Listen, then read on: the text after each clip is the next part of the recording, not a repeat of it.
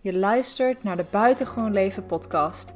Mijn naam is Madelon en als transformatief coach voor ondernemers wil ik jou met deze podcast inspireren om vol vertrouwen dat pad van persoonlijke en spirituele ontwikkeling te gaan bewandelen. Hier vind je praktische tips en inspirerende verhalen over mindset, persoonlijke groei en ondernemen. Ben jij er klaar voor om door je belemmeringen heen te breken, in je volle potentie te stappen en je buitengewone leven en business te gaan creëren? Blijf dan vooral luisteren. Welkom bij alweer aflevering 17 van de Buitengewoon Leven podcast. En in deze aflevering wil ik je meer gaan vertellen over pleasen, over wat het nou eigenlijk is, wat de functie ervan is. En krijg je ook drie tips om te stoppen met het overmatig pleasen. Waarom nou deze podcast? Ik heb gemerkt, zowel in de praktijk als de mensen die mij volgen op social media, is dat er heel veel mensen tegen het stuk, en dan even met name vrouwen trouwens, hè, als je kijkt naar mijn volgers, mijn doelgroep zijn het voornamelijk vrouwen, is dat zij heel veel last hebben van pleasen. Dus heel erg een ander voorop stellen, heel erg alles voor een ander goed willen doen en zichzelf daarbij eigenlijk min of meer vergeten ik zelf heb precies hetzelfde. Ehm, nu niet meer, of tenminste niet meer zo uh, zoals het was. Maar in het verleden had ik hier enorm veel last van. Als in dat ik alleen maar bezig was met de ander. Dus zorgen dat de ander blij was. Zorgen dat uh, de ander mij leuk vond. En dat dacht ik dan te bereiken door alles maar te doen voor die ander waarvan ik dacht dat ze het wilden. En uiteindelijk heb ik zelf ervaren uh, op de lange termijn hoe ontzettend destructief en toxisch eigenlijk dit gedrag is. We denken vaak dat het iets heel moois is, want pleasen, dingen voor een ander doen, dat is iets heel, uh, nou ja, moois of hoe moet je het, hoe moet je het noemen. Uh, maar eigenlijk is het ontzettend toxisch. En dus ook in relaties of in vriendschappen ben je daarmee eigenlijk toxisch bezig. Ook al lijkt het alsof je het allemaal goed bedoelt, uiteindelijk in, op het einde is dat niet zo. Ehm, wat voorbeelden van pleasen. Want we hebben natuurlijk allemaal wel een bepaald beeld daarbij. Waarschijnlijk herken je het in jezelf, anders zou je deze podcast waarschijnlijk ook niet luisteren. Uh, maar je hebt eigenlijk heel veel varianten van pleasen. En je kunt ze allemaal hebben, of misschien maar een paar. Maar ik zal gewoon even wat voorbeelden noemen die ik vaak in de praktijk zie en ook bij mezelf heb ervaren. Een hele belangrijke bij pleasen is dat je eigenlijk gaat inspelen op de verwachtingen van anderen. Dus je gaat alvast van tevoren bedenken wat iemand anders mogelijk zou willen, of fijn zou vinden, of prettig zou vinden. En vervolgens ga je daarop inspelen. Dit kan ook een beetje verborgen zitten onder bijvoorbeeld het gezegde. Oh, ik weet nou even niet hoe die precies gaat, maar uh, het gezegde van hè, uh, behandel iemand anders zoals dat je zelf behandeld wil worden. Ehm, volgens mij komt hij uit de Bijbel zelfs, maar goed, je snapt wel wat ik bedoel. Um, het is eigenlijk een soort vermomming om daarmee het please-gedrag en het inspelen op de verwachtingen van anderen dus eigenlijk te ehm, eh, verbergen.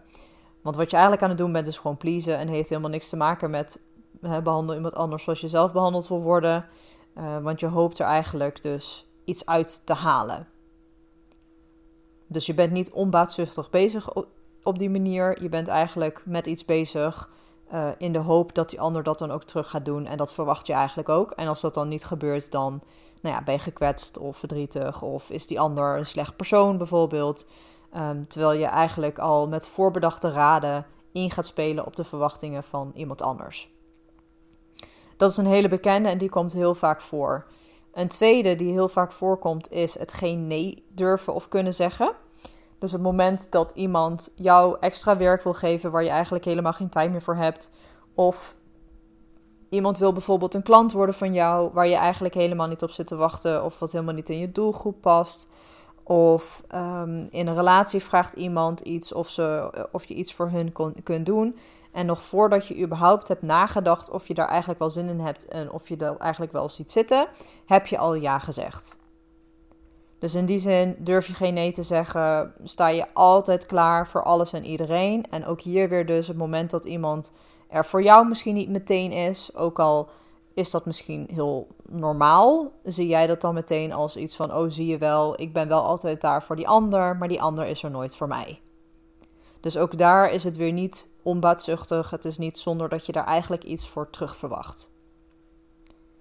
En uh, nog een voorbeeld van pleasen, wat ook heel bekend is, is dat je er alles aan doet om een, het een ander naar de zin te maken. Dus je bent totaal niet bezig met jezelf. Je bent echt alleen maar bezig met de ander, het geluk van de ander, of de ander blij is. Je hoort deze mensen bijvoorbeeld ook wel eens zeggen: Nou, het is echt mijn doel in het leven om mensen blij te maken, om mensen gelukkig te maken. En ook dat is eigenlijk echt totaal niet onbaatzuchtig sowieso, omdat jij helemaal geen zeggenschap hebt op de emoties van iemand anders. Jij hebt totaal geen invloed. Ja, je kunt misschien invloed hebben, maar in principe heb jij geen invloed op de emoties of de staat van zijn van iemand anders. Waar je de een heel blij mee maakt, maak je de ander juist heel verdrietig mee.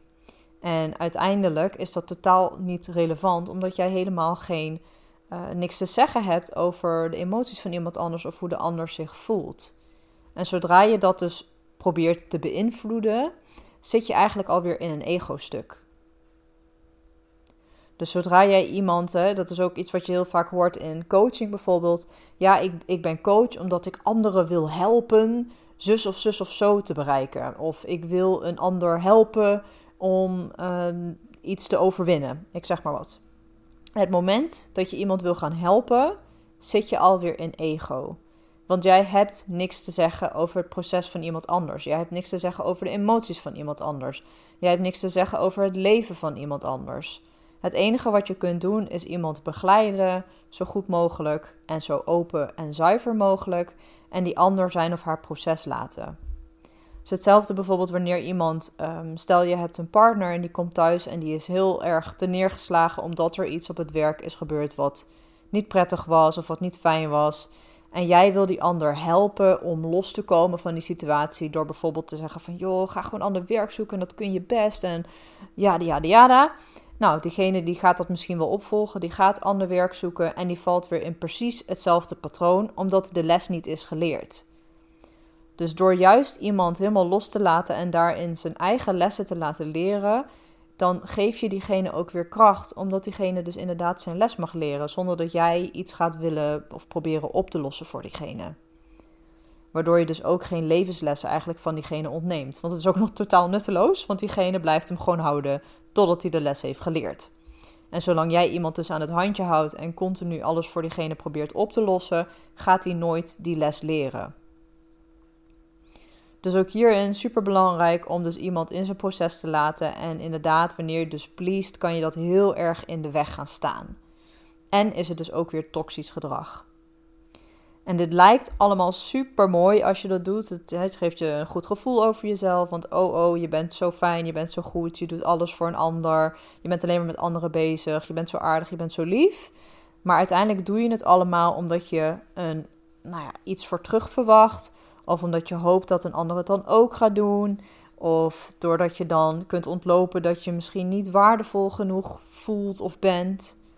En uiteindelijk is dus helemaal niks minder waar dan dat het gewoon een ego-trap is. Dus je doet het met een bepaalde intentie en die is niet zuiver, die is niet puur. Eigenlijk wil je gewoon het, dezelfde behandeling terug. En als dat dus niet gebeurt, dan ben je teleurgesteld, dan ben je verdrietig, dan ben je boos. Dan is die ander uh, is die, uh, verkeerd bezig of is geen goede vriend of geen goede relatie. Een andere bijwerking van overmatig pleasen is dat je compleet leeg loopt. Dit zijn echte de mensen die in een burn-out terechtkomen. Ik kan je op een presenteerblaadje geven dat, nou, ik denk wel 100% van de mensen die uiteindelijk in een burn-out terechtkomen, overmatig pleasen. Je loopt namelijk letter, letterlijk leeg. Je bent alleen maar aan het geven, geven, geven, geven, geven en niet ontvangen. Want vaak merk je ook, of tenminste dat zie ik tenminste in de praktijk met de mensen die ik heb begeleid, maar ook bij, bij mijzelf. is het moment dat je heel veel gaat pleasen, dat je ook vaak niet hebt geleerd of niet kunt ontvangen. Dus als iemand al iets voor jou terug wil doen, dan ga je dat, ga je dat afwijzen, omdat jij. Ehm, dat klopt niet voor jou. Jij wil alleen maar pleasen. Jij wilt vooral, vooral voor de ander iets doen. Dus als iemand iets voor jou doet, dan voelt dat heel raar. Dan klopt dat niet. En dan ga je vaak meteen of overmatig weer iets terug doen wat veel groter is dan wat diegene gedaan heeft. Of je bent overdreven dankbaar, ehm, veel groter dan dat het misschien wel is. Dus ook daar zit vaak een belemmering op echt kunnen ontvangen. Een heel praktisch voorbeeld bijvoorbeeld is wanneer je een compliment krijgt van iemand en je zegt dan meteen: Oh ja, nee, of nee, oh die broek, oh die is al zo oud. Of oh nee, ik zie er vandaag helemaal niet uit. Of, hè, dus, dus ook daar, dat zijn vaak de kleine dingetjes waarin je dat kunt herkennen. Dat je dus al een compliment gewoon niet eens kunt aannemen, dus al daar al niet kunt ontvangen. Wanneer je overmatig pleest, zijn relaties vaak ook echt heel erg moeilijk. En als ik heel eerlijk ben, hebben de meesten eigenlijk geen kans van slagen uiteindelijk. Dit komt doordat je eigenlijk iemand uitkiest, dus zowel vrienden als een partner heb ik het even over, dus relaties in de breedste zin van het woord. Jij kiest onbewust iemand uit die heel goed kan ontvangen en waarschijnlijk niet zou teruggeven. Want jij kunt niet ontvangen en jij kunt wel heel veel geven. Dus dan is het natuurlijk fijn als je iemand uitkiest die daarop aansluit. Vind je bijvoorbeeld per ongeluk iemand die ook pleest of ook heel veel teruggeeft, dan voel jij je waarschijnlijk heel opgelaten en oncomfortabel daarbij. En dan zal je diegene hoogstwaarschijnlijk gaan, gaan wegduwen, omdat het niet klopt in jouw ehm, beeld, dus in jouw overtuigingen die je hebt. Dus je voelt je comfortabel in een relatie, dan wel met een vriend, dan wel met een partner, wanneer diegene heel goed kan ontvangen en waarschijnlijk niet zoveel terug zou geven. En uiteindelijk, op de lange termijn, zal altijd één van de twee het zat worden. Dan wel jij, doordat jij zoiets hebt van: ja, hallo, ik geef jou zoveel, maar ik krijg nooit eens een keer wat terug. Dan wel die ander, omdat die gewoon voelt van: joh, ik krijg veel te veel in deze relatie en het is niet meer in balans. En dat is dus hetgene wat zo belangrijk is, überhaupt in relaties, is dat geven en ontvangen dus in balans is. Dus wanneer jij een stabiele relatie wil, wanneer jij een veilige, fijne relatie wilt, dan zul je echt moeten leren die balans te vinden. Dus dat je moet gaan leren om te gaan ontvangen, dat je moet leren dat je niet alleen maar geeft. Want anders heeft uiteindelijk de relatie echt geen kans van slagen, omdat het te veel uit balans wordt gebracht. En het lijkt dan misschien alsof je een heel goed persoon bent, dat het allemaal zo goed bedoelt en zo goed doet voor iedereen. Alleen eigenlijk hou je daarmee dus eigenlijk voor jezelf voor de gek. Want het is totaal niet um, zonder eigen belang dat je dit doet. Het heeft een bepaalde functie. Niemand pleest overmatig zomaar gewoon om het te doen. Er zit altijd een bepaalde drijfveer onder die ervoor zorgt dat je dat gaat doen. En dat is eigenlijk altijd een beschermingsmechanisme, een soort uh, veiligheid die je zelf hebt ingebouwd um, om je ergens van te beschermen ik zal gewoon eens een voorbeeld geven van hoe bijvoorbeeld een pleaser kan ontstaan. En dat is vaak al, uh, vaak al heel vroeg in je jeugd. Hè? Dus wanneer jij merkt dat je heel veel pleest, dan is dit vaak al ontstaan, nou ja, soms zelfs als baby. Een heel mooi voorbeeld hiervan is, bijvoorbeeld het moment dat um, baby in de wieg ligt, ligt en baby is aan het huilen, want die heeft uh, honger of weet ik veel, die moet verschoond worden, whatever. En op dat moment uh, hadden de ouders zoiets van: nee, weet je wat, we laten die baby gewoon even doorhuilen. Want uh, moet leren zelfstandig worden of whatever. Nou, dat is, dat is toen jaren geleden heel, een heel ding geweest. Uh, super gevaarlijk en heel schadelijk overigens, maar goed. dus uh, wanneer dat structureel gebeurt, leert eigenlijk een baby dus al heel vroeg... Oké, als ik aangeef dat ik iets nodig heb, als ik aangeef dat ik bepaalde behoeften heb, wordt daar niet aan voldaan. Dus zo'n baby, en dus ook op latere leeftijd, als dat vaak genoeg wordt herhaald, leert dus als ik als ik mezelf uitspreek wat ik nodig heb of wat mijn behoeften zijn, dan wordt daar toch niet aan voldaan. Dus ik kan net zo goed bijvoorbeeld niks zeggen of uh, um, ik hoef niet uh, aan mezelf te denken, want mijn behoeften zijn toch niet belangrijk.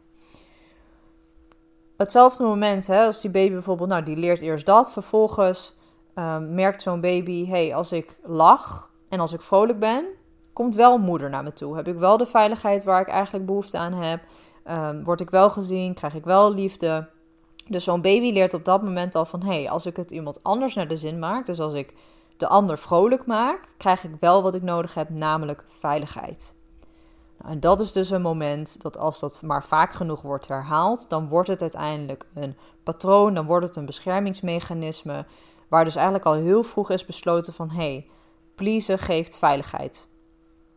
En hoewel je nu zeg maar volwassen bent en dat al totaal niet meer zinvol is, want je bent volwassen, dus je hebt helemaal geen, in die zin, geen veiligheid nodig van iemand anders. Jij kunt gewoon voor jezelf zorgen. Ergens in dat reptiele brein van jou zit nog steeds dat mechanisme van: hé, hey, ik moet pleasen, want dat geeft veiligheid. En dat kan zo heftig ingenesteld zitten, dat het dus echt, echt een, um, nou ja, een onbewust patroon wordt. Dat je het eigenlijk al niet eens meer in de gaten hebt dat je het überhaupt doet. Um, en dat je dus ook helemaal niet weet waarom je het eigenlijk doet. Nou, wat, wat bijvoorbeeld functies zouden kunnen zijn van dat pleasen, is bijvoorbeeld, dus helemaal hè, in de kern kan het iets zijn van, nou, dan ben ik veilig of dan krijg ik liefde. Dus het kan iets zijn als, nou, dan word ik geaccepteerd. Als ik ga pleasen, dan accepteren ze me tenminste. Of dan hoor ik erbij, of dan vinden mensen me leuk, of dan uh, voorkom ik in ieder geval dat bevestigd wordt dat ik bijvoorbeeld niet goed zou zijn of niet leuk genoeg zou zijn. En de grap hiervan eigenlijk is, is dat het een complete paradox is. Want vaak heeft het het omgekeerde effect. Doordat je, uh, doordat je mensen dus om je heen verzamelt waarbij je volledig kan geven. Um, en je gaat vervolgens een keer iets terugverwachten. Of je stelt een bepaalde grens. Dan vallen die mensen daar meteen overheen. Dus die gaan meteen tegenstribbelen. Of uh, die vinden dat het alleen maar over jou gaat. Of uh, ze gaan Um, of ze willen misschien even geen contact meer, omdat je bijvoorbeeld een grens aangeeft. Um, dus eigenlijk vinden deze mensen jou, om wie je bent, je eigenlijk helemaal niet per se leuk of waardevol of belangrijk. Ze genieten gewoon van dat ze volledig kunnen ontvangen van jou.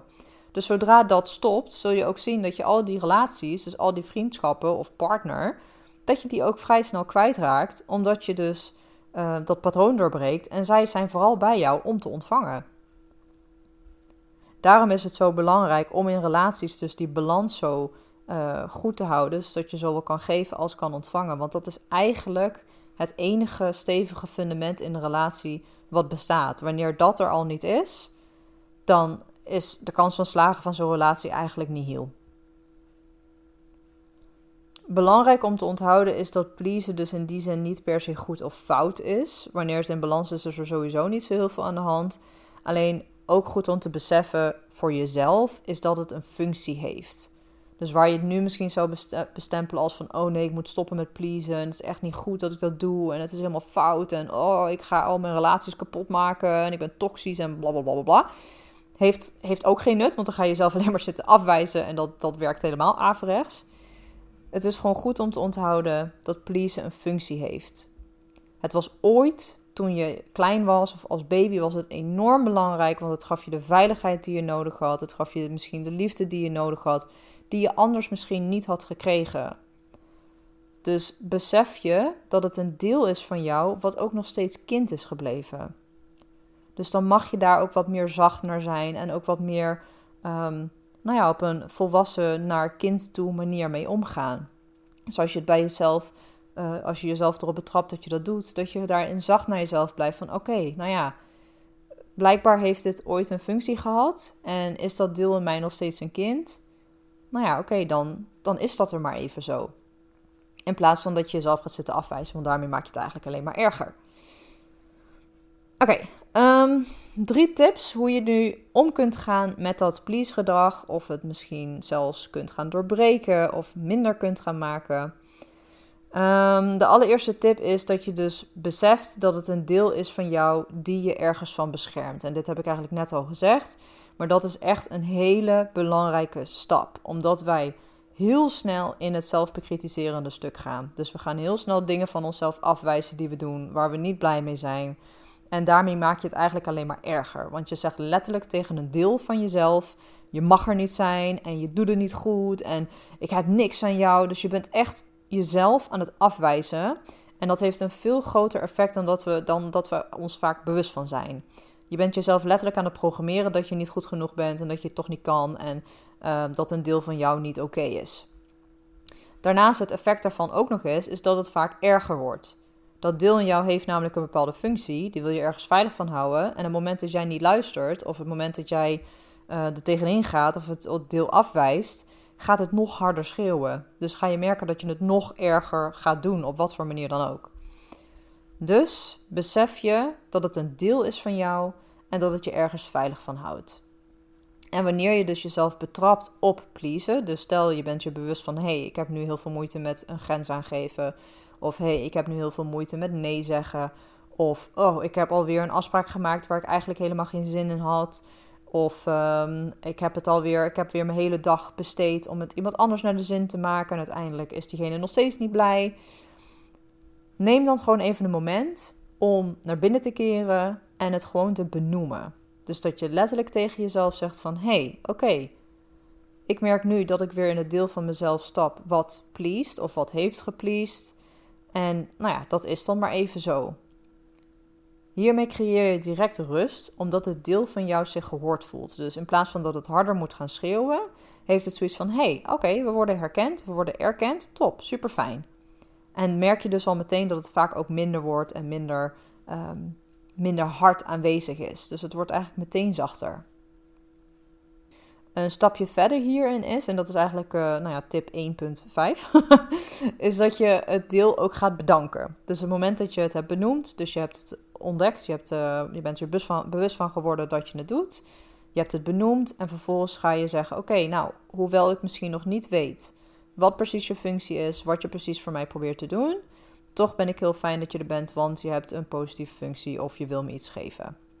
En dank je wel daarvoor.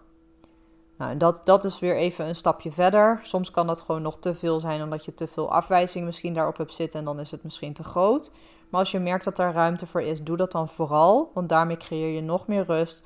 Daardoor voelt dat deel zich nog meer gehoord en erkend en hoeft het dus ook weer minder hard te schreeuwen. Oké, de tweede tip, wanneer je dus um, je al wat meer bewust bent van het please gedrag, kan je het ook wat meer naar voren brengen. Dus wanneer je al merkt dat je wil gaan pleasen, dus dat is voordat je het hebt gedaan, stop dan even, keer naar binnen en ga het dialoog met jezelf aan. Dus ga gewoon heel bewust contact maken met bijvoorbeeld je lijf en word je heel bewust van wat je precies voelt. Welke emoties gaan er door je heen? Welke fysieke sensaties horen daarbij? Wat merk je aan je lichaam? Wat merk je aan je emoties? En vervolgens zou je ook vragen aan jezelf kunnen stellen van, nou, wat maakt nou dat ik dit wil gaan doen? Wat hoop ik dat ik daarmee kan bereiken? En is het echt nodig dat ik dat nu ga doen voor die ander? Of is het echt nodig dat ik ja zeg? Of wat gaat er gebeuren als ik nee zeg? Nou nee, die laatste is trouwens geen goede vraag. Stel die maar niet, grapje. Neem die maar terug. Um, want daar krijg je eigenlijk alleen maar een, uh, een negatief antwoord op vaak. Dus dat, uh, dat zou ik niet doen. maar in ieder geval gewoon gaan ontdekken en dus gaan onderzoeken in jezelf van... hey, wat, wat is nou eigenlijk precies de functie van wat ik nu wil gaan doen? Dus dat je eigenlijk een dialoog met jezelf aangaat en wat meer gaat ontdekken wat nou eigenlijk de onderliggende patronen zijn. Dat zorgt ook weer voor dat je bewuster wordt en dat je uiteindelijk daar ook uh, stapje voor stapje wat verandering in kunt gaan aanbrengen. Oké, en de derde tip is um, een wat globalere tip eigenlijk. Maar dat is dat je echt mag gaan oefenen met ontvangen. Dus wanneer iemand iets voor je wilt doen, neem het dan ook aan. Vaak heb je het al afgewezen voordat je het überhaupt in de gaten hebt. Net als het voorbeeld van het compliment wat ik net gaf. Dus het moment dat iemand jou een compliment geeft en jij, jij zegt eigenlijk al meteen: Oh nee, het is oud. Of nee joh, en hoe kom je erbij? Um, het gebeurt al voordat je het in de gaten hebt. Dus ook hier word je heel erg bewust van: Ben ik het nou echt aan het ontvangen of ben ik het eigenlijk aan het afwijzen? En om hier wat meer mee te oefenen, zou je dus ook uh, dat bij jezelf kunnen gaan doen. Oftewel, draai het please eens om. Je kunt supergoed pleasen. Die vaardigheid heb je helemaal. Alleen nu mag je hem op jezelf richten. Dus ga jezelf pleasen. Ga de dingen voor jezelf doen die je normaal voor een ander zou doen. Dus koop een keer een cadeautje voor jezelf. Ga uitgebreid koken voor jezelf. Neem jezelf gewoon een keer mee op stap. Dus eigenlijk alles wat je normaal voor een ander doet, ga dat gewoon eens bij jezelf doen. En dat hoeft niet uh, meteen de hele dag door, maar dat mag gewoon een keer. Hè. Al doe je het één keer in de week, is al super goed. Maar daarmee ga je dus al oefenen met wat meer egoïstischer worden. Met uh, ook wat oefenen met dus ontvangen. Dus dat je ook dingen kunt gaan aannemen. Want als je het van jezelf aan kunt nemen, kun je het ook van iemand anders aannemen. Dus dit is ook een manier om echt te gaan oefenen met, um, met dus echt gewoon wat egoïstischer worden. En dat is niet verkeerd, dat is niet fout. Ik weet dat er op het woord egoïstisch een, uh, meestal een hele negatieve lading ligt, maar het is echt noodzakelijk. Als je niet leert egoïstisch zijn, dan loop je volledig leeg en dan ben je alleen maar met andere mensen bezig. Dus ook egoïstisch zijn is een hele belangrijke kwaliteit om jezelf aan te leren. Want zorgt er ook weer voor dat je um, in balans blijft, dat je niet leeg loopt, dat je um, nou ja, dat je ook voor jezelf leert zorgen in plaats van alleen maar voor een ander. Dus het is helemaal niet negatief. Het is helemaal goed om ook egoïstisch te zijn.